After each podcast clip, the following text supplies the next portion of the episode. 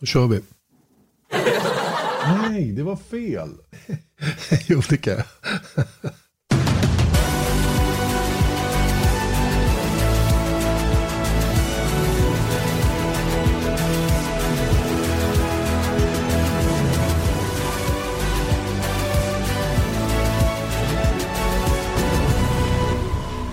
Mm, så kan det gå ibland. Men där är i alla fall vignetten till Viaplay F1 Podcast. Erik Stenborg och Janne Blomqvist som idag ska försöka redovisa lite Formel 1-nyheter. De är sannerligen inte många. Det är ju eh, midvinter även på den fronten, men eh, lite finns det i alla fall att redovisa. Vi ska prata karriärstege när man eh, åker formelbil från eh, gokart och uppåt. Eh, utmaningarna som man står inför. Eh, vad behöver man rent ekonomiskt och så vidare. Och eh, till vår hjälp vår egen kollega då, Rickard Rudell som har en eh, mentorsroll till Dino Beganovic som just har startat den här resan i Formel 4 och nu tar steget upp i nästa kategori för kommande säsong. Eh, ni ska dessutom få en lite raspig men ändå eh, trevlig intervju med en före detta Formel 1-förare som vi har hittat, eh, fått tag i igen. Nämligen den här gången Reine Wiesel på lite skrapig telefonlina från Thailand pratar vi med Reine Wiesel om, om hans karriär eh, i Formel 1 så som den blev. Eh, Erik Stenborg, eh, snö, snöflingor i bakgrunden. Ja, mycket mysigt och eh, än en gång, det är otroligt härligt att sitta här med dig och eh, prata. Få, få lite fritid. Ja, exakt. jag, jag ler lite sådär, tänker så. Tisdagar är den bästa dagen i veckan. Bra, bra. Vi hoppas att det fortsätter att vara på det viset och att det är det för alla andra som lyssnar på vår podd, eller hur? Mm, det hoppas vi. Hörru du, ska vi ta, ska vi ta, ska vi ta den, eh, att racingsäsongen faktiskt är igång? Det kan vi väl göra, för eh, det är precis så att mina stämband har hämtat sig lite grann efter en holmgång under, under den gångna helgen då, eh, med tre och en halv timme på lördag kväll och sen sju timmar och 40 minuter under söndag eftermiddag kväll. Eh, Daytona 24 timmars, Rolex Daytona 24 timmars var det alltså som, som drog igång det hela. Och eh, det gjorde det sannerligen då med, med, med dunder och brak för min egen del. Det var sjukt kul att få sätta sig igen även om det var total katastrof första fem minuterna. Jag hade ingen som helst aning om bilar, hur de såg ut. Eh, 49 stycken totalt, eh, hur många klasser som helst. Jag var grymt ringrostig, men efter ett tag så började man komma in i matchen och sen så tycker jag nog att det, det löste sig hyfsat i alla fall. Mm, och ett bra race också. Sannerligen, verkligen bra race. Även om det blir lite konstruerat som det är borta i USA där så, så blev det ändå bra racing tycker jag. Och, eh, mer, och 24 timmars racing är ju sprintracing rakt igenom numera. Eh, från start till mål. Varje stint är ju ett race. Och det mm. ser man på förarna och bilarna är tillförlitliga och det, det, är liksom, det är ingen som behöver åka och hålla igen som förr i tiden. Utan här, här vet man att det är konstruerat och gjort för 24 timmar och lite drygt det i vissa fall tror jag. Mm. Hur, eh, hur eh, såg du på liksom arrangemanget? Jag menar, du har ju kommenterat Le Mans, du har kommenterat mycket Formel 1 och Indycar och allting sånt där också. Jag tycker det var väldigt bra, i och med att det var vårt första eh, sändning av IMSA-serien då, eller WeatherTech Sports Car Series, så tycker jag att det såg riktigt, riktigt bra ut. Speciellt ja. om man tänker på att det är ett amerikansk feed som inte brukar vara liksom... De brukar inte vara anpassade som världsfeed. Så, så tillvida att det, det är liksom för alla att sända och utan att det är anpassat för amerikanska kommentatorer hela tiden. Eh, det är ju det som är problemet med Indycar hela tiden. Det är ju NBC som gör den och de gör ju det för sig själva. Sen så försöker de snida till något som ska passa för resten av världen, vilket de är sådär bra på. Men i det här fallet så tycker jag faktiskt att det funkade riktigt bra och eh, vi, vi, eh, de timmarna vi inte kommenterade, då var det ju Radio Le Mans team som, som skötte kommenteringen och de är ju superduktiga och det gjorde ju, tror jag, att produktionen inte bara lyssnade på NBC-gubbarna utan de fick vara precis som oss andra. De fick, de fick göra vad de kunde med den produkten som producerades. Så det, det måste jag säga, det, det gjordes med den äran. Det var helt okej. Det, var inte, det är inte perfekt, det är det inte. Men det var, det var riktigt bra för att vara i USA mm. som du säger. Mm. Nästa, på, nästa race på tapeten är eh, Sebring 12 timmars. Också ett klassiskt race. Det får man allt säga. Eh, den eh, väldigt guppiga Sebringbanan. Där för övrigt Indycar är på plats just nu då med åtminstone 14 bilar som mm. eh, kör tester. De här teamen som är där just nu då, de valde ju att skjuta på det i 14 dagar för att få lite bättre förutsättningar. Nu vet jag inte om de fick det sådär. Det var lite, de kanske tyckte det var lite svalt då när, när Chip Ganassi med flera var där Eh, för två veckor sedan. Då. Men, men, eh, för det var blåsigt. Eh, blå, riktigt blåsigt och det är ju besvärligt med formelbilar. Men eh, det var många som körde mycket i alla fall. Och, eh, Colton Hurta var snabbast på förmiddagen och Pat Ward var snabbast på eftermiddagen och hade den snabbaste tiden som också var eh, 51,7 tror jag. Och eh, som jämförelse då, den två veckor tidigare testen då så var ju Scott Dixon snabbast då med 52,3. Banan sannolikt snabbare nu då, med, inte minst med tanke på att det var så många bilar som körde under dagen där. Så det, det, det är tiderna tror jag vi kan bortse ifrån. Det kommer att vara otroligt jämnt precis som tidigare. Men, men eh, Pat Ward, mina damer och herrar, han blir en svår nöt att knäcka för Felix Rosenqvist där i Aero McLaren. Mm, jag skulle gissa det också faktiskt. Det är ju dessutom då ett nytt team för, för Felix då. Det är inget nytt för honom. Han har gjort Nej. den resan flera gånger. Närmast expert men, på området. Exakt, så att eh, jag har stora förhoppningar på Felix också. Att mm. han kommer upp i fart snart. Mm. Och eh, vi hade även Oliver Askew faktiskt i bil och trots att han inte ska köra då, han, han fick hoppa in då för, för James Hinchcliffe som inte var tillgänglig för testande i, eh, i den här gången. Va? Utan han, han kommer att återkomma senare. Mm. Men, men Askew gjorde det bra, han var ju med där framme. Och han, eh, det var som någon påpekade att han är en helt annan förare nu inför en sån här säsong än han var till förra året med väldigt begränsat med körning och visserligen Indy Lights-mästare men det är ju något annat att ta steget. Va? Nu har han en säsong och eh, han skulle förmodligen han skulle förmodligen göra bättre ifrån sig år två än han gjorde år ett. Nu blir det ju inget år två av allt att döma för hans del, åtminstone inte just nu. Utan han siktar väl mer då på, på någonting permanent i IMSA då, som vi nämnde tidigare. Mm. Ska vi ta den en, ena, eh, enda Formel 1-nyheten som vi har, som inte är speciellt kul nyhet heller. Nej, den är ju totalt värdelös egentligen. Det är ju Pierre Gasly som att han, han gick ut med att även han nu då har dragit på sig covid-19 och testats positivt. Och nu är de alltså sex stycken av 20 förare som har, som har testat positivt. Och det, det tycker jag är urdåligt av dem att dra på sig det här. För att jag menar, Visst, det är inte omöjligt att dra på sig covid-19, det är ju bevisligen sant. Men de här killarna borde ju ganska lätt kunna isolera sig så pass att de inte riskerade det här. Eh, Gasly har ju spenderat merparten av tiden efter säsongen då i Dubai och uppbyggnadsläger och tränat och hela den och ändå på något sätt då, vilket betyder att de inte sköter sig. Det, det är den mm. enda slutsats man kan dra. Ja, och det är som, som du säger, sex förare, det är nästan en tredjedel av griden. Och det är, som du också säger, det är inte så konstigt med alla resor och att det är en global sport och allting sånt där. Men nu har det varit tre stycken under off-season och jämfört med MotoGP då, som har haft fyra fall totalt av alla tre serier, alltså MotoGP, Moto2 och Moto3, ehm, så är det många F1-förare som har fått det. Och vad gäller Gasly då, att han har ju lägenhet i, i Dubai och ehm, eh, eh, sådär då. Så jag menar, det är klart att han har ju lovat vara där och det är lite konstigt i Dubai. Jag har ju en god vän som bor där som är pilot. Ehm, så de har ju varit extremt öppna så att säga. De har ju liksom verkligen eh, kört hårt på att nu kommer det ehm, We're open for business så att säga och de ska ha en, eh, de har en drive då att de ska ha hur många som helst, jag kommer inte ihåg procenttalet, men väldigt många ska vara färdigvaccinerade i mars då. Eh, så det, det, är ju det som har gjort att det är väldigt många som har testat positivt i Dubai den senaste tiden. Då.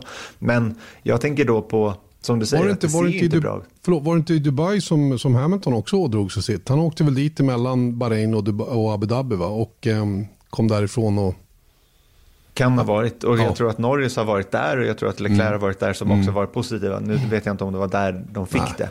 Men jag tycker liksom huvudsaken är att man kan ju tycka så här, att vadå, vissa, jag menar det är folk eh, på min sons dagis som har fått det och det är ju inte för att de har varit oförsiktiga utan det är bara ibland Man har varit i Dubai. De har varit i Dubai. Nej, de har absolut inte varit i Dubai kan jag säga. Men, men jag tänker just det faktum då att till exempel som Formel 1 nya chef, Stefano Domenicali, eh, menade att eh, han menade det kanske i form av den här eh, kampanjen We Race as One och Black Lives Matter-frågan. Eh, att det är väldigt viktigt då att förarna tänker på att de är ambassadörer, inte bara för sina team utan även för, för sporten i helhet. Och eh, det gäller ju även den här smittan. När man är en, en eh, ofrivillig må hända, men en influencer som påverkar väldigt många människor genom sociala medier och allting så, så ser det ju inte bra ut att de reser och drar på sig viruset. För de ska ju vara, oavsett om de vill eller inte, så är de förebilder för väldigt många. Och eh, då ska man ju verkligen tänka på det och försöka hålla sig hemma och eh, träna helt enkelt. Och Esteban Ocon eh, uttalade sig om det också att man vill verkligen inte få det här viruset under, för man är kanske borta i bästa fall då i två veckor från träning och så vidare. Så att eh, det, det sabbar ju sin egen uppladdning också. Du kan ju bli sjuk som 17. Ja, det är väl rätt det, uppenbart vid det, här, vid det här laget. Visst, men det jag menar är i bästa fall så är man ju mm. borta i alla fall. Eh, mm. som ser. Och, och sen så kan man ju liksom smitta andra och hej och så att, Visst, man kan se det som att det är bättre nu än, nu än sen. Men eh, bättre aldrig såklart. Självklart, självklart är det på det viset. Ja, jag är lite besviken på dem faktiskt, att de inte fixar till det där bättre. Eller skyddar sig bättre. Sen, sen mm. går det inte att skydda sig till 100%, det är inte heller, det är inte det, är inte, det, är, det är inte det jag säger. Men de skulle kunna göra ett bättre jobb tror jag med att, med att skydda sig själva då. Eh, nu under off-season i synnerhet då. Men hur den är, Gasly har eh, testat positivt och nu får vi hoppas att han så snabbt som möjligt blir frisk och att han inte har några allvarliga symptom som, som kommer att sätta stopp för någonting framöver.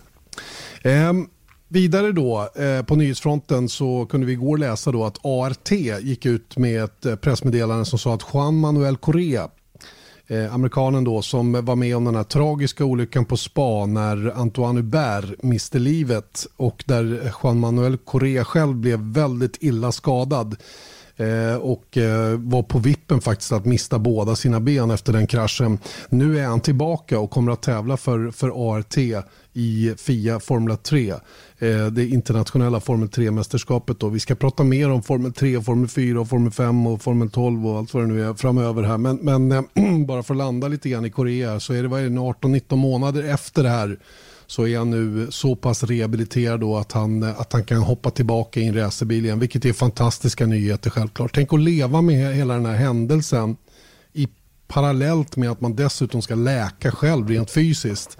Och, mm. och um, att göra det på ett sätt så att han faktiskt nu kan tävla igen. Mm. Alltså, jag menar, han, han eh, bröt ju båda benen eh, som han beskrivit som liksom hölls ihop av, eh, av huden i stort sett för att det var så mosade ben helt enkelt. Och han, han bröt ju även eh, ryggen, eh, i varje fall någonting på ryggraden som, som han eh, eh, fick en fraktur på då. Och han var ju liksom i sån här, i, han var i koma efter oh. det här. Och eh, det var ju liksom, eh, ja, det, det, var ju inte alls osäkert att han skulle kunna behålla benen Nej. eh, överhuvudtaget. Och jag vet att jag minns att de första operationen de höll på med var i 17 timmar. Eh, så att jag menar, och jag tror att han har gjort säkert 20-25 stycken operationer sedan dess. Och de har ju sagt då att eller han fick reda på att tidigast om två och ett halvt år kan du ens tänka på att vara tillbaka i eh, en bil. Och han har ju, det har gått väldigt, väldigt mycket snabbare helt enkelt. Mm. Och att han börjar i en Formel 3-bil tycker jag också är ett klokt beslut. Då. Det, han kunde ju ha hoppat ännu längre ner i kategorierna egentligen. Eh, så, som uppvärmning lite grann. Det är mycket, mycket möjligt att han kommer att köra något lite mindre avancerat innan han gör debuten i Formel 3. Då. Eh, för att sen då naturligtvis sikta på Formel 2 igen och eh, förhoppningsvis hela vägen upp till, han var ju alltså Sauber junior då när det här inträffade. Så att eh, otroligt glada nyheter tycker jag att Korea är på bättringsvägen så pass att han faktiskt kan börja tävla igen. Mm.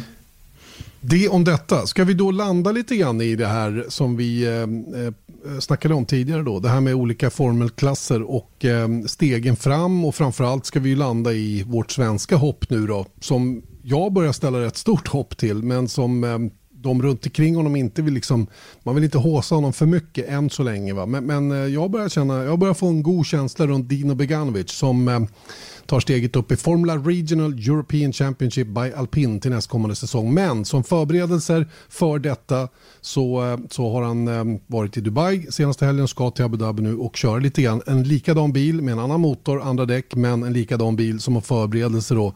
Eh, och Dino gjorde väldigt bra ifrån sig första helgen med två andra platser och en femteplats som facit och en tredjeplats i mästerskapet totalt med flera väldigt duktiga förare runt omkring sig. Men hur tar man sig framåt i karriären där? Vi har eh, tagit kontakt med vår kollega Rickard Rydell. Rickard Rydell till vardags kollega med mig då på kommentatorsplats när vi gör Formel 1. Men eh, du har eh, precis kommit hem ifrån, eh, ifrån Dubai där du agerar mentor, lite rådgivare kan vi kalla det till Dino Beganovic. Ja, lite allt möjligt faktiskt. Mentor, coach, rådgivare och manager eller vad man ska säga.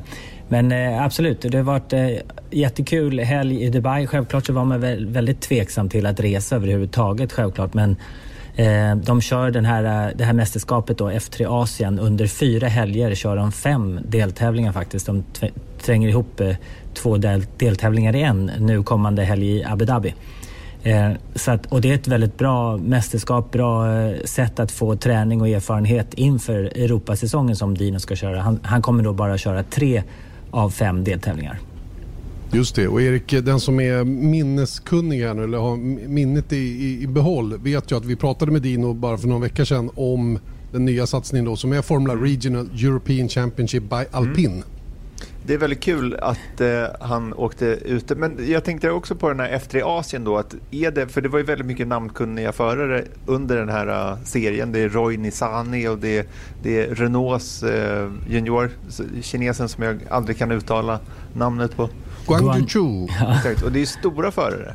Så varför åker alla den här serien i F3 när de kör Formel 2 i vissa fall? Då? Ja, och det är ju såklart eh, precis som eh, Fittipaldi gjorde till, eh, den här, till i höstas då, eh, att plocka licenspoäng eh, till Formel 1. Och den här serien ger väldigt bra licenspoäng. Så att eh, många förare väljer att göra det och jag är egentligen lite förvånad över att det kanske inte är ännu fler förare som från kanske F3 internationella eller F2 som, som väljer att göra det. Men eh, å andra sidan så kan man ju tycka att Eh, bli 1, 2, 3 i F2, då får du ihop dina 40 poäng som du behöver för att köra Formel 1. Så att räknar man med att man är i toppen i F3 eller F2 så kommer du få ihop poängen. De här förarna, Guan Yu Su då, han är väl den, kanske den mest renommerade. Han blev ju faktiskt sexa i Formel 2 förra säsongen. Eh, och är väl kanske den som har då bäst CV av de som körde. Även Darivala eh, är inte en dålig förare han heller. Så att, men man, man, förstår, de, de plockar de här poängen för de vet inte exakt hur många poäng de kommer ta kommande år. Jag gissar att, att både Darivala då, som är från Indien och Su från Kina, att de har eh, backning med sig för att kunna ta sig hela vägen till Formel 1. Men de måste ju också ha poängen. Så det är lite så här, om, om man ska gå på den här den fina vägen in i Formel 1, då vill man ju inte göra det här. Att man ska, som Fittipaldi, för det var ju någonting som vi tog upp. För eh, Pietro Fittipaldi då som hoppade in och ersatte eh, Grosjean i Haas.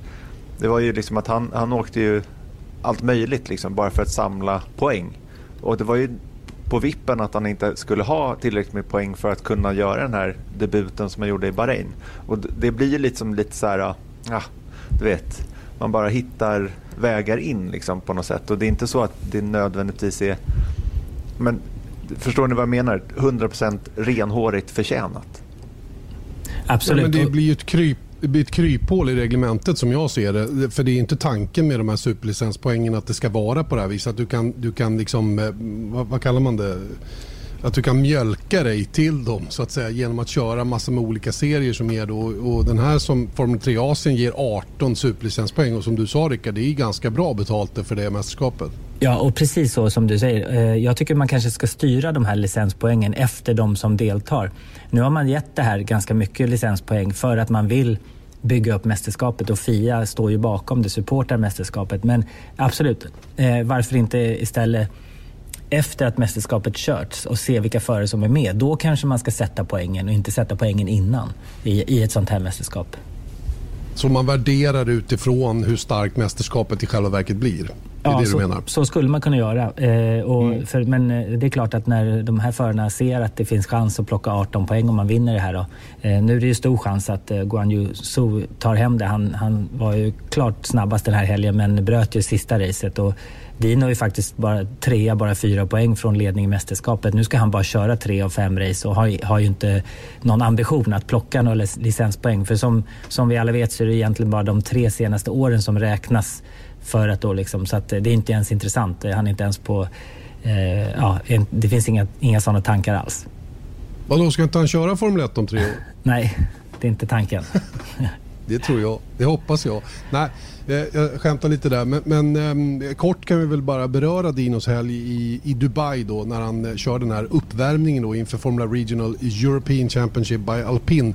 Det här är en likadan bil, inte samma typ av däck, men det är en likadan bil och väldigt, väldigt bra träning i den här lite snabbare bilen då som, som han visar sig kunna hantera otroligt bra måste jag säga. Otroligt bra. Ja, verkligen. Och som du sa, det är en Alfa Romeo-motor istället för den eh, Alpin eller Renault-motorn som kommer sitta då i bilen i Europa. Och eh, Gitti, kinesiska däck istället för Pirelli-däck som, som det blir i Europa. Eh, det är självklart jättebra träning och han lärde sig en massa den här helgen. Och flera förarna har ju kört på den här serien och den här banan tidigare. Eh, han, det tog några träningspass så var han inne i det, hade lärt sig banan och sen närmade sig tidsmässigt då, och självklart så var det ju väldigt nyttigt att ha Guan Yu Su som teamkompis för han hade ju en bra referens. Och om det började kanske en halv sekund eller tre, fyra tiondelar efter så var det väl inte mer än någon tiondel under, under racet när han låg bakom honom. Och, så att, eh, så att, eh, bra sätt att eh, komma in i klassen och få erfarenhet, helt klart. Och ehm, om vi då ser till eh, att värma upp då inför, inför Fräck då som det heter eh, inför sommaren då. Det är, ju, det är ju uppenbart att ni gör det och det kommer säkert att gå alldeles utmärkt då. Men om vi, om vi lämnar just Dino eh, specifikt och tittar lite grann på eh, det finns ju ett antal lovande, varje år egentligen, lovande gokartungdomar som, som kommer ur Sverige, kommer ut i Europa, kanske till och med kör VM och är framgångsrika, ungefär som Dino var. Vad är liksom, hur jobbar man för att ta sig vidare? Jag menar, det är ju det här nålsögat som vi alltid pratar om. Hur ser det ut egentligen för att, för att komma någon vart? Så är det. Det är jättesvårt att ta klivet upp från karting eller det är svårt att ta klivet upp i internationell karting också för det är ju också väldigt kostsamt. Och Eh, där behöver du ju, om du inte har finansiering själv så måste du ha med dig sponsorer. Eh, och sen då tar du vidare från karting till racing så är det en helt annan värld det är klart med många andra. Och, eh, har du inte finansiering själv där heller som vissa förare självklart har så måste du få hjälp på traven. Och, eh, de flesta kanske löser en del själva genom sponsring och sen kanske en del andra har andra olika upplägg då för det.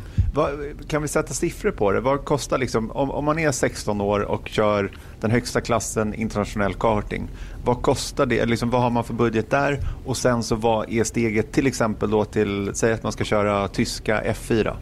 Vad, vad behöver man i pengar för de två åren så att säga? Alltså köra internationell karting i, i toppen eh, en, en, hel säsong, om du kör full säsong och satsar 100, då är det, pratar du över en och en halv miljon kronor. Eh, men, men om du är en lovande förare och har liksom visat det året innan och så, då kommer du kunna köra mycket billigare än så. Så att det, eh, det finns ju flera kartingteam som har eh, proffs då som kör och eh, vissa förare blir, hänger ju kvar där som proffs för att de kanske inte tar sig vidare och kör i de klasserna i flera, flera år. Och även då förra året, eh, eller 2019 när, när Dino körde karting så var det ju flera, flera proffs med i de, i de klasserna liksom och, och körde. Eh, sen eh, tyska F4, eller om jag ska börja engelska F4 kanske lite billigare, eller spanska F4. Sen stiger väl priserna i tyska, italienska lite grann kanske beroende på att de testar mer och så.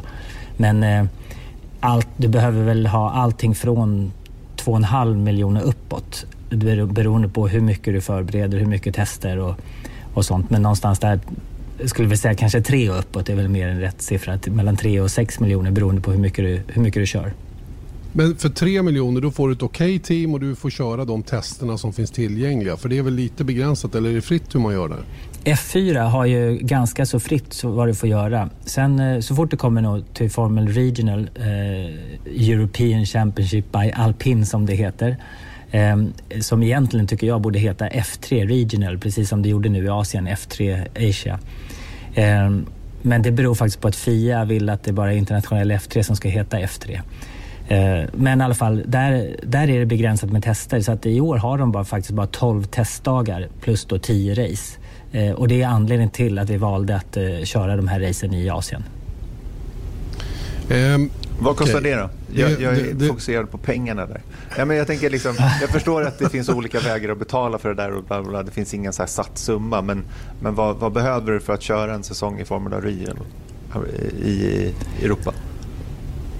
Eh, ja, minst, du behöver ha minst 4 miljoner för att eh, köra en säsong i Europa.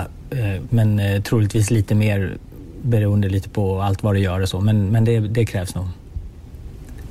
Okej, okay, så helst ska man då också dessutom då bara stanna en, ett år i varje klass. Då. Nu gjorde Dino ett år i Formel 4, tar klivit upp i Regional och eh, ja, sen får man ju se hur det går. Det är ju alltid resultaten som på något sätt styr vad nästa steg blir och hur snabbt det här steget kommer. Eh, men finns det någon poäng med att eh, om man nu inte vinner mästerskapet, stanna kvar ytterligare ett år av rena utbildningsskäl. Har man råd med det på den här nivån? Klarar förare det om man inte har superstarka finansiärer?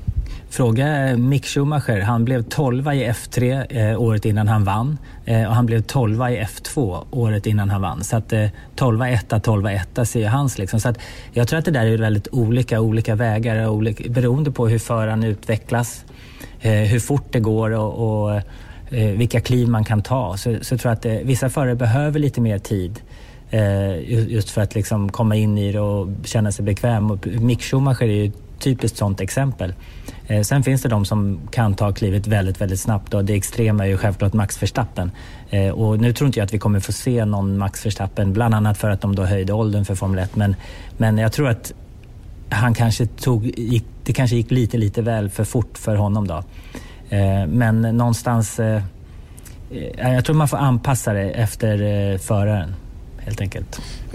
Och, och sen pratar vi då när det gäller att skaka fram de här pengarna. För det, för det är ju så att man måste ha fram pengarna. Då, då kan man ju... Eh, i, redan i karting är det ju naturligtvis en, en, fördel om eh, ett större juniorprogram då. Det finns ju Ferrari, det finns Red, Red Bull, det finns Renault, det kanske finns något mer som inte heter något eller lika lika high-end så att säga namnmässigt då, men, men, där man kommer in och får hjälp och kanske en del finansiell hjälp, eller hur? Det behöver man ha också, eh, för det hjälper till, men inte med hela kakan. Ja, och så är det. De programmen blir mer och mer utvecklade och Ferrari kanske är den, ett av dem som har kommit längst med den internutbildningen som de gör på plats liksom inom Ferrari med ut, eh, utbildning. Allt från mental träning till fysträning till eh, eh, lära det mekaniska på bilen och allting också, ha större förståelse. Så jobbar de väldigt mycket med det. Eh, och det är klart att om du hamnar i ett program tidigt så är det, eh, å ena sidan låser du fast det lite grann och du får signa ett väldigt långt avtal och kontrakt och om det går bra så kommer ju då eh, det märket ha chans att nyttja dig till en eh, rimlig kostnad för dem under ett antal säsonger. Så att det är ju därför Formel 1-teamen gör det självklart. Eh, samtidigt så får du ju möjligheten och chansen att komma upp och det kan vara ganska svårt att göra det på egen hand. Men, men det är klart, har du finansiering och du kan vara ensam och fri så kanske det kan vara bättre. Men eh, ja, ofta är det ju en fördel att, att sitta i något bra förarprogram. För jag har haft uppfattningen tidigare i alla fall att just med Red Bull att det är så, här, det är så enorma summor som de spenderar på, på sina förare och allting sånt där och att jag har liksom fått jag tror att det är lätt att tänka sig att liksom Red Bull för att få fram dem så betalar de allt.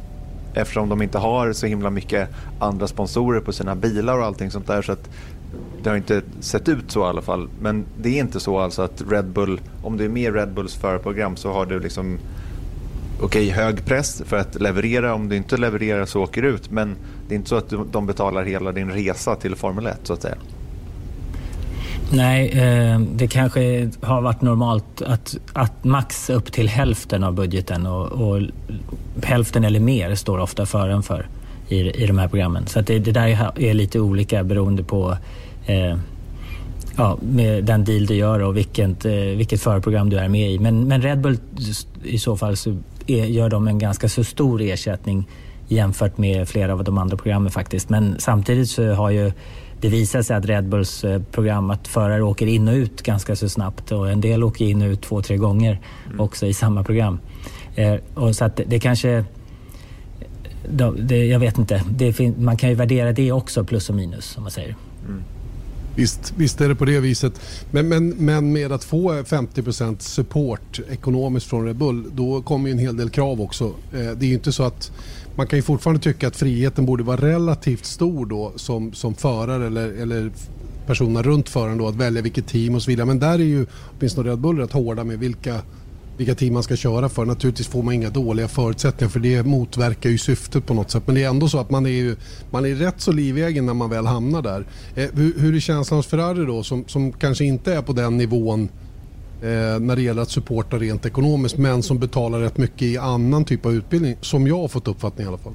Jo men så är det ju och det, det, känslan i alla fall har varit och, och tycker jag är, är att de kanske är lite mer långsiktiga och det, förare åker inte in och ut ur programmet lika snabbt och de Eh, har heller inte lika många förare. Eh, som, de har ju haft det nu i Formel 2, förra säsongen hade de det. Men, men jag tror att de försöker hålla det lite mer eh, liksom åldersmässigt. Plockar de in en och så väntar de med att plocka in nästa. Eh, men, det, men det är klart att det kommer ju vara resultat som styr det och ser de att de eh, att, den, att de förarna de har inte presterar de resultaten som de räknar och hoppas med, då, då kommer de plocka in en ny. Så är det ju självklart.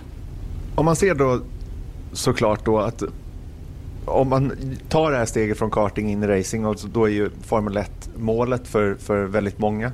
Och så pratade vi just om det där att om man knyter sig till en biltillverkare eller Red Bull som varumärke, då har man ju såklart man är ju lite låst till, till dem. Men hur ser du på sådana som är frilansare så att säga? Inte knutna till ett förprogram men de har backning i alla fall. Är de istället då låsta till icke eh, fabriksteam. Förstår du? Att, Bra, bra fråga Erik. Bra fråga. För det, så har jag också känt att de, de exkluderar sig från Ferrari Red Bull eftersom de inte är med. Eller Mercedes tar dem som två exempel. Eller Renault.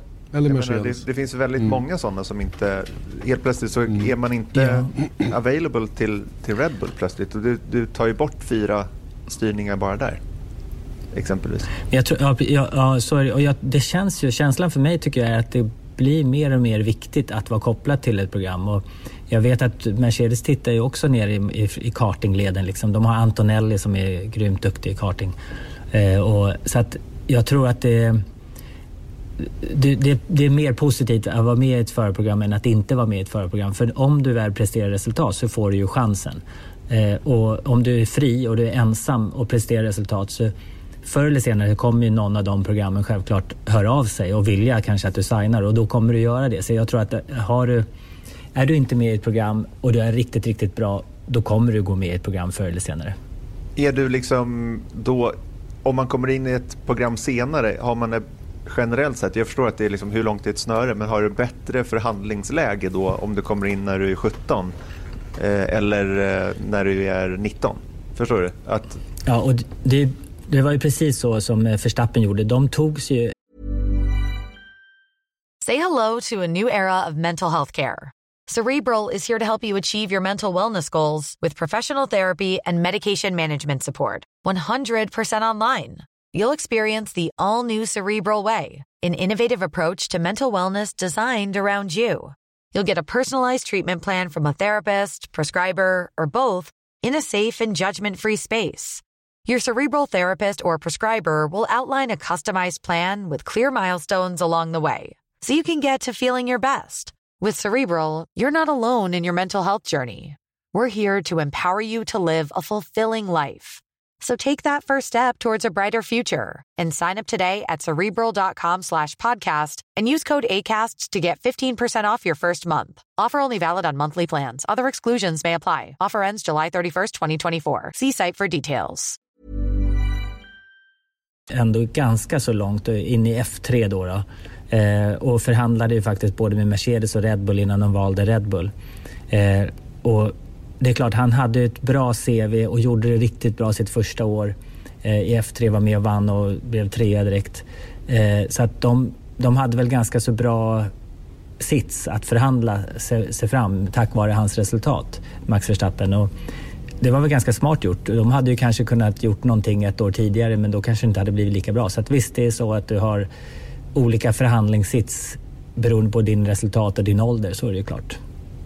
Men du, den här Gabriele Mini då, som, som eh, Dino körde mot i Formel 4 nu och som vann det mästerskapet då. Han är inte med i något förarprogram om jag har förstått saker rätt, men tillhör Nicolas Tott och hans managementgrupp som då är nästan motsvarande och är då kanske lite en, en fri spelare på marknaden. Har han sämre förutsättningar då? Eh, inte sämre förutsättningar än tycker jag absolut inte, inte i det team han kör. Men han kommer ju jag är helt säker på att det förs diskussioner och, om att han ska ingå i något program i framtiden. Men eh, det är klart att de kommer nog försöka köra den här säsongen också och det beror väl lite på ekonomi och sånt. Har man, kan man lösa ekonomin ändå så kan det ju vara värt det klart att vänta något år om, det, om det, resultaten är väldigt, väldigt bra. Men eh, jag skulle inte vara förvånad om han sitter i ett, i ett förarkopplat program inom en snar framtid. Det kan ju faktiskt också vara så att han inte kom med ett program till förra säsongen eh, och kanske var lite besviken för det och avvaktar och väntar och ser vad han kan göra framåt. Så att eh, det behöver inte betyda att de valde det själv, självvalt så att säga. Det kan vara, säger du, med ett litet sådär leende. Du kanske vet mer än du vill avslöja?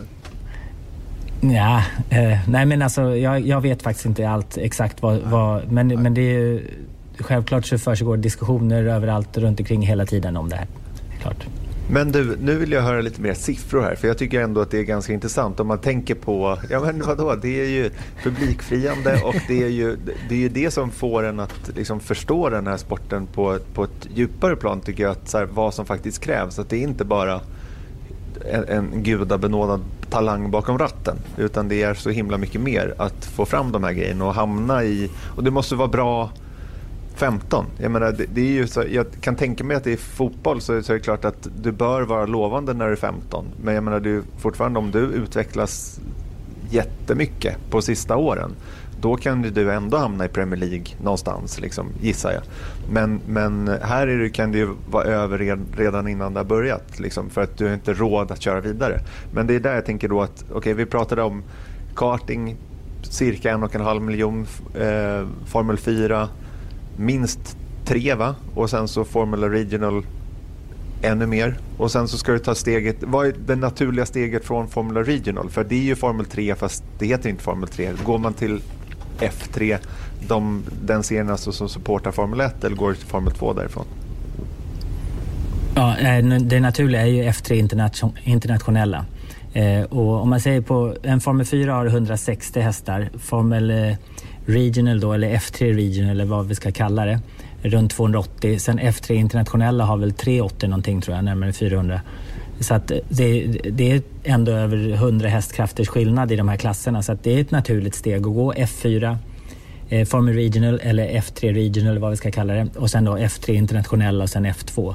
Och det är ganska bra ändå att köra både eh, Formel 4 och Formel 3 eller F, Formel Regional.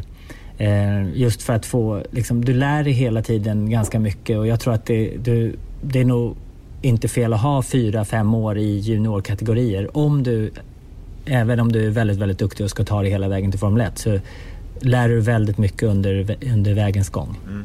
Pengarna då? För att köra eh, Formel 3 internationella? De som supportar ja, Formel 1? Då, är, då pratar du över ja, runt 10 miljoner ungefär för, för att köra det och det dubbla för F2 någonstans. Men faktum är att de siffrorna till och med mer än så har det ju varit i Formel 3. Men de siffrorna kommer nog ner lite. Till i år så gör de ju om reglementet. Formel 2 och Formel 3 har ju kört samma helger.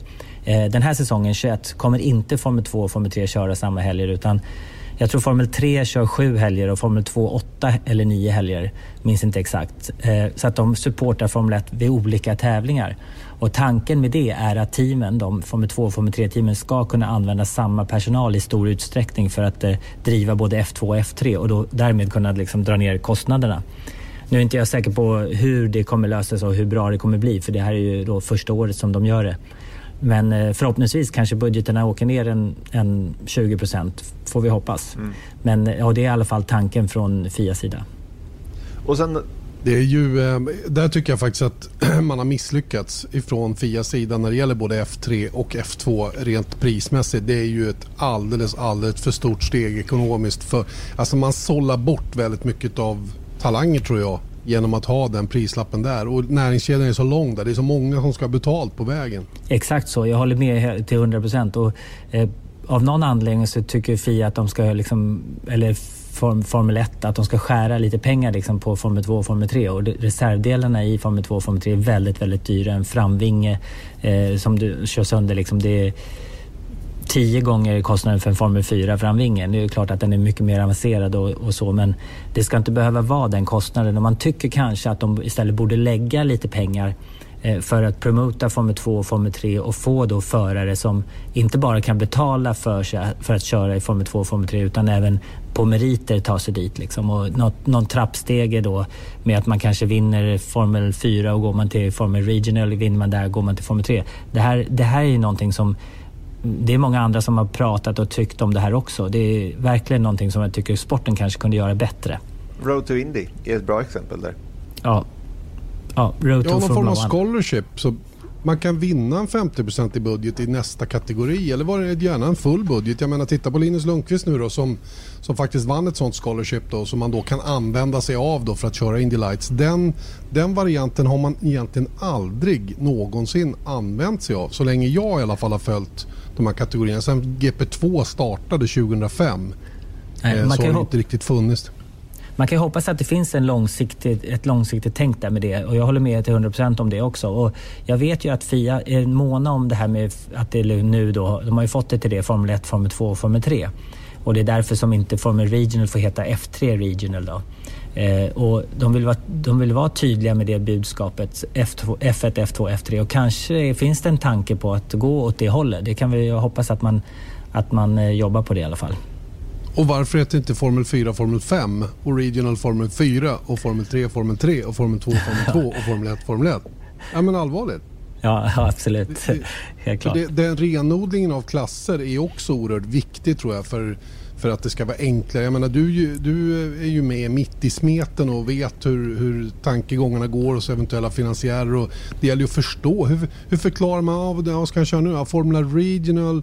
Ja men han körde Form 4, ja sen är det Form... Du vet det, det, är inte så himla lätt att förklara alla de här bitarna heller för den eh, unga talangen och det anhang han har då att, att liksom göra sig begriplig kring varför man ska gå in och betala och dessutom rätt stora summor. Ja, och det är ju inte bara till eh, förklara för dem utan det förklarar för eh, de som tittar på TV, eh, sponsorer, investerare, all andra som är involverade. Så, så absolut, ju tydligare du kan göra det här ju bättre. Och, och, ta, ta sportredaktionen på TV4 eller på SVT. De har ju absolut noll och ingen aning om vad Formula Regional eller Formel 3 Asien... De, har ju, de förstår ju inte värdet av det. Nej. Vilket är lite synd va? för att det, det, speglar ju rapporteringen väldigt tydligt. Va? De tycker bara att det där är någonstans i periferin och så blir det ingenting om de ens känner till det överhuvudtaget. Va? Så, så att det, det, där, det där, där har motorsporten tycker jag ett, ett stort jobb att göra för att vara tydligare med hur pass bra de här olika kategorierna är och hur man ska värdera dem på vägen fram. Ja, absolut. Och, eh, precis, eh, Formel Regional European Championship by Alpin. Det är ganska många, många namn. Det skulle ju bara heta F3 Regional då. då. Mm. Eh, så finns ja. det då F3 International. Så, så hade det varit klart. Det hade varit ganska enkelt. Visst. Eller Formel 4. ja, ja. Och Formel 5 för Formel 4. Ja, men alltså, den stegen hade ju varit klockren tycker jag. 5, 4, ja, 3, 2, 1. Eller? Ja. Absolut. Det finns ju Formel 3. Mera siffror, vill du ha mer siffror? förut. Det var ju Formel 3000, Formel 5000, ja. Formel eh, allting. Så det var ju Formel, Formel ja. V, så Formel Super V. G, GP2, GP3. Jo, nej, men det har ju alltid varit samma problem, eller hur? Det har ju alltid varit samma problem och det är ju lite grann därför det är lite grann därför som det är på det här viset. Att det är svårt för, för liksom de, som, de som borde veta att veta och värdera framför allt. Var är de, var är de, varför är man bra just här? Ja, så har det funnits då tillverkare, Formel Renault, Formel Ford, Formel Opel. Formel, det har varit eh, tillverkare inblandade som då har velat döpa deras klasser till deras namn och så. så att, eh, ja, jag håller med, det kunde, det kunde styrs, styrts upp bättre från Fias håll. Men känns ju ändå som att de är på rätt väg nu mm. med det. Absolut. O, oavsett Absolut. Då, så, så kan man ju nästan konstatera då att du behöver skaka fram, ska du hamna i Formel 1 så behöver du kanske skaka fram eh, så, sådär 100 miljoner kronor för att eh, ta dig hela vägen upp dit. Allt mellan 30 och 70 beroende, om du, skulle jag vilja säga, beroende på hur fort det går, hur bra det är och hur mycket hjälp du får från andra program och sånt. Så att, mm. eh, kanske mer rimlig siffra. Mm. Erik är journalist, vet du. han vill trycka på lite ja, extra. Jag, jag tänker bara, jag, känner, jag, är bara, jag är bara 38. Det är en bättre rubrik. 100 miljoner till Formel Jag är bara 38 så jag vill bara veta hur mycket jag behöver skaka fram. Erik, du, ja, du, vill, du vill inte veta hur mycket du behöver skaka fram för att ta dig till Formel 1? Det kanske inte räcker med 70 miljoner där. 200 miljoner. Ja, du vet, vad hette han? Eh, pappa Nisani. Han gjorde ju det till sin egen 40-årspresent. Chanouk. Chanouk. Ja, Chanouk Nisani. Han, han, eh, Två varv, eller vad kom han? Två ja, kurvor? Han fick ju testa lite också. Han var ju official reserve driver för Minardi. Jag menar, vadå?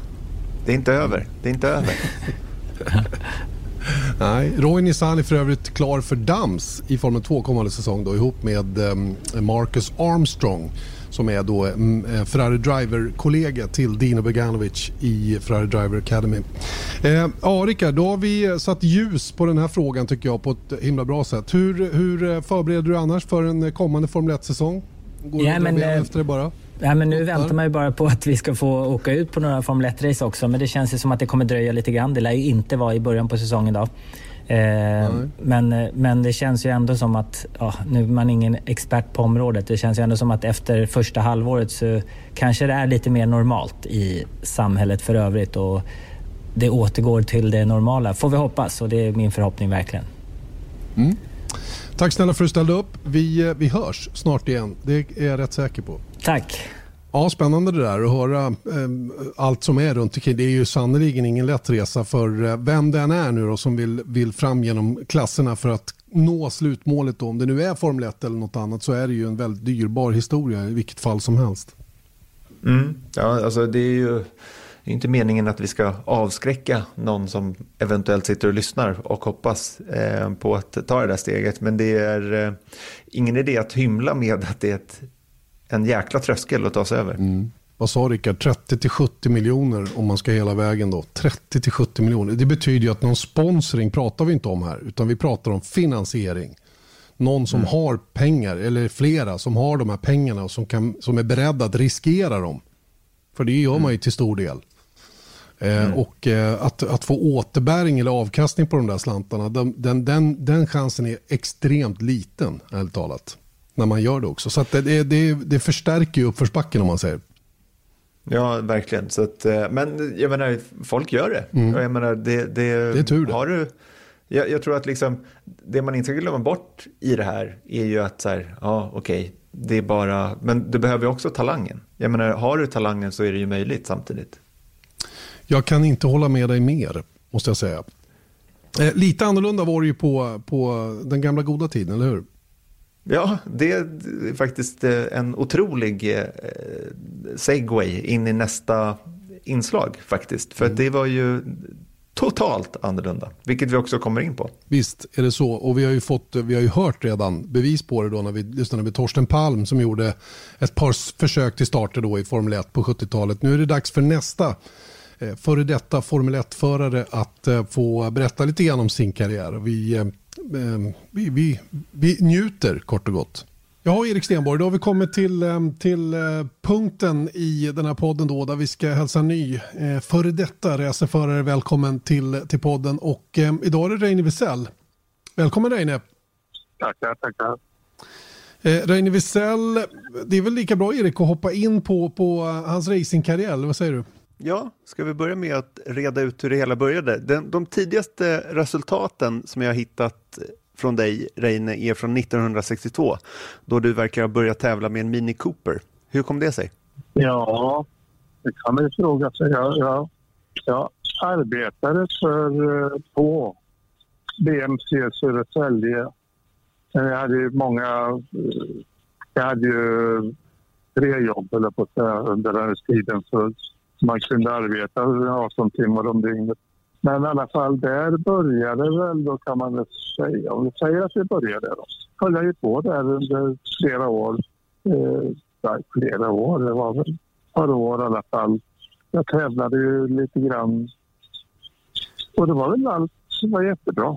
Sen hade man väl lite andra, man har ju alltid andra tankar. Men då då tyckte jag att eh, jag hade åkt så pass mycket att det skulle vara kul att göra någonting annat. Och då var början på att ge mig ut och åka racerbil. Alla tyckte man var idiot, men eh, det blev så. Jag började åka 65.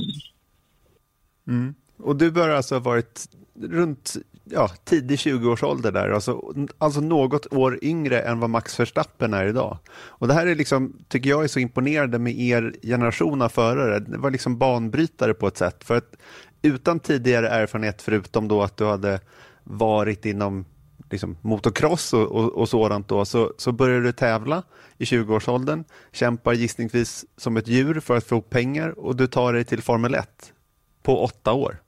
Det är ganska speciellt med, med liksom moderna ögon sett. Ja, med, dagens eh, emaljögon så är det, ju, är det ju inte så lätt. Men jag menar de här killarna som kör idag, de har ju börjat i sexårsåldern. Så att det är oslagbart. Om vi lämnar just den delen Reine, så, så har jag ett starkt minne av när, när själva genombrottet för dig kom.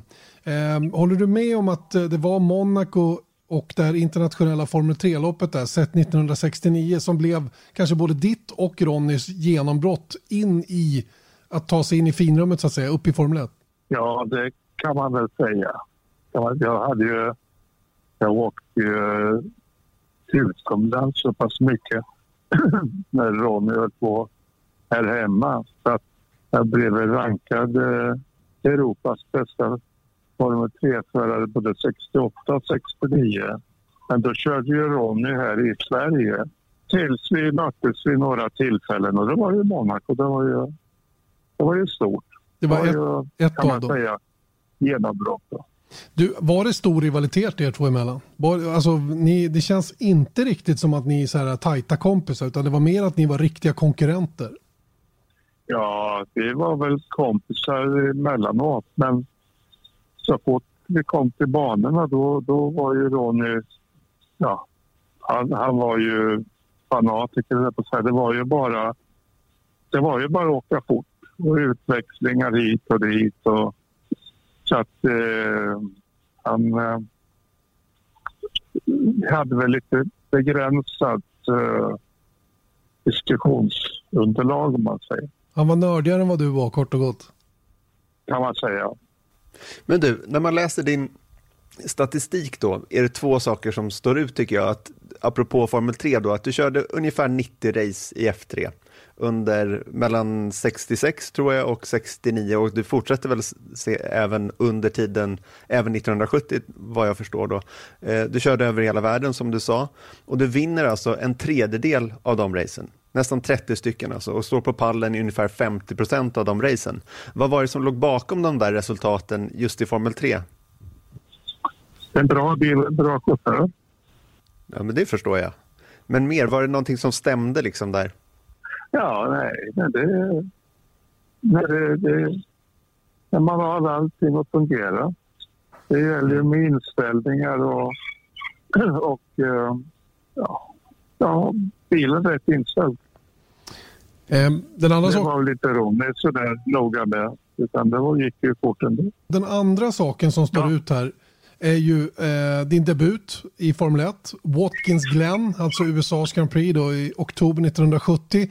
Eh, ska vi återkomma till strax. Men, men, mellan januari och fram tills dess så körde du i urval då en Lola T70 i Buenos Aires, en Porsche 908 på Truxton, en Chevron F3 på Nürburgring, en Abarth på Anderstorp, en BMW 2,8 liters på 24 timmars på Mantorp, en Ferrari 512 på Le Mans, en BMW 2002 i Svenska rallyt och en McLaren M10B på Snetterton. Det här är bara ett urval utav det du körde. Alltså mängden racing som ni höll på med och som du gjorde då fram till Formel 1-debuten sett med dagens ögon. Hur, hur var den här tiden att hoppa från det ena till det andra och sen då eh, som, som liksom kröna alltihopa med att ta sig hela vägen upp till Formel 1 då?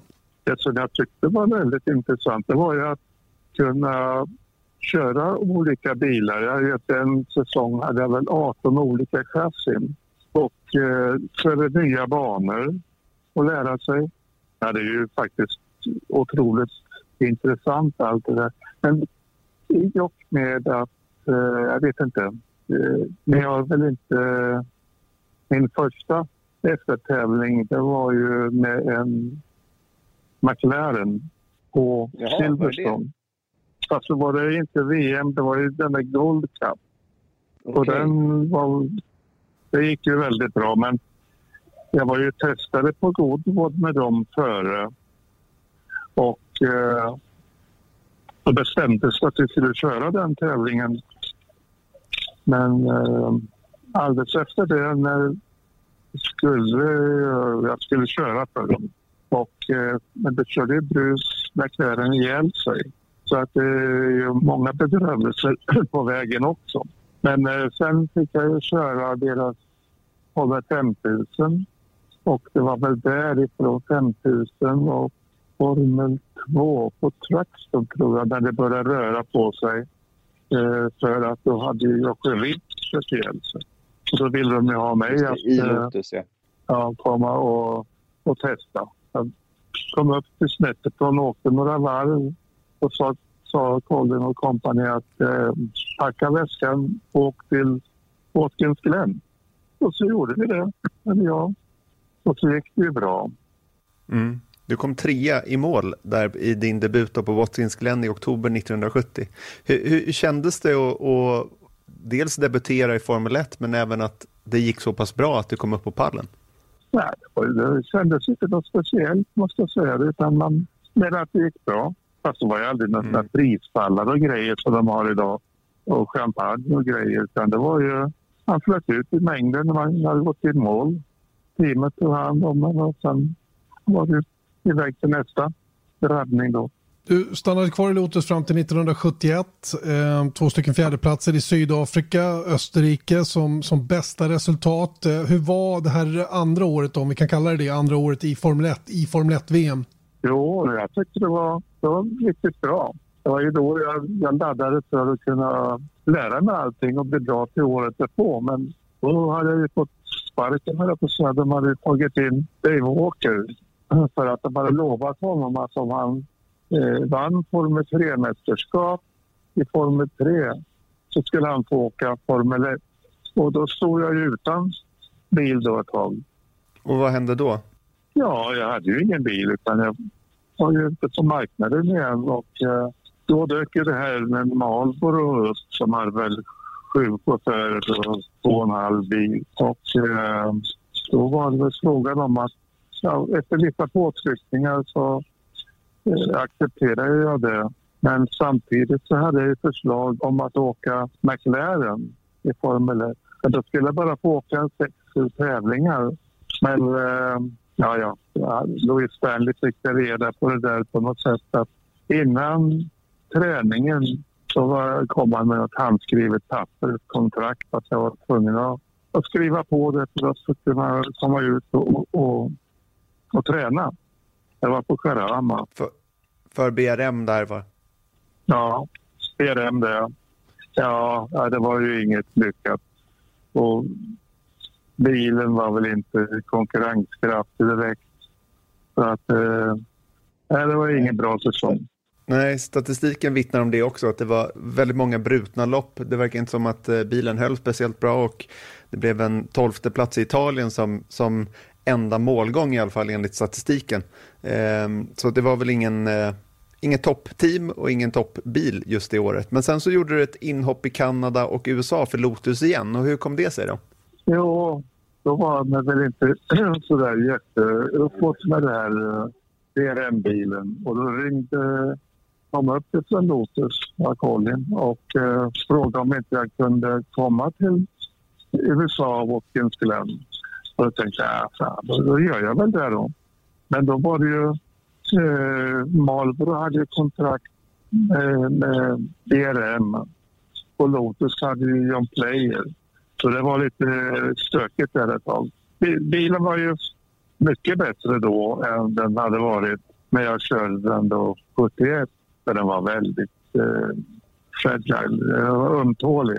Det var ju gick sönder så mycket grejer så att... Eh... Då var den sessionen över då så att säga då. Sen 1973 och 1974 bara enstaka lopp för mindre stall. Eh, är det något speciellt med den tiden som, som du vill berätta? 72 slutet så gick det väldigt bra med Lotusen de här två sista tävlingarna. Jag var väl jämsides med Emerson men vi hade ju andra däck de var inte de snabbaste däcken. Jag kommer inte ihåg om det var Goodyear eller Firestone, men vi hade i alla fall det som inte var lika snabbt. Men hur som helst så när vi kört färdigt där då ville Colin att eh, kan du inte köra för oss, skriva på för nästa år inför 73 då.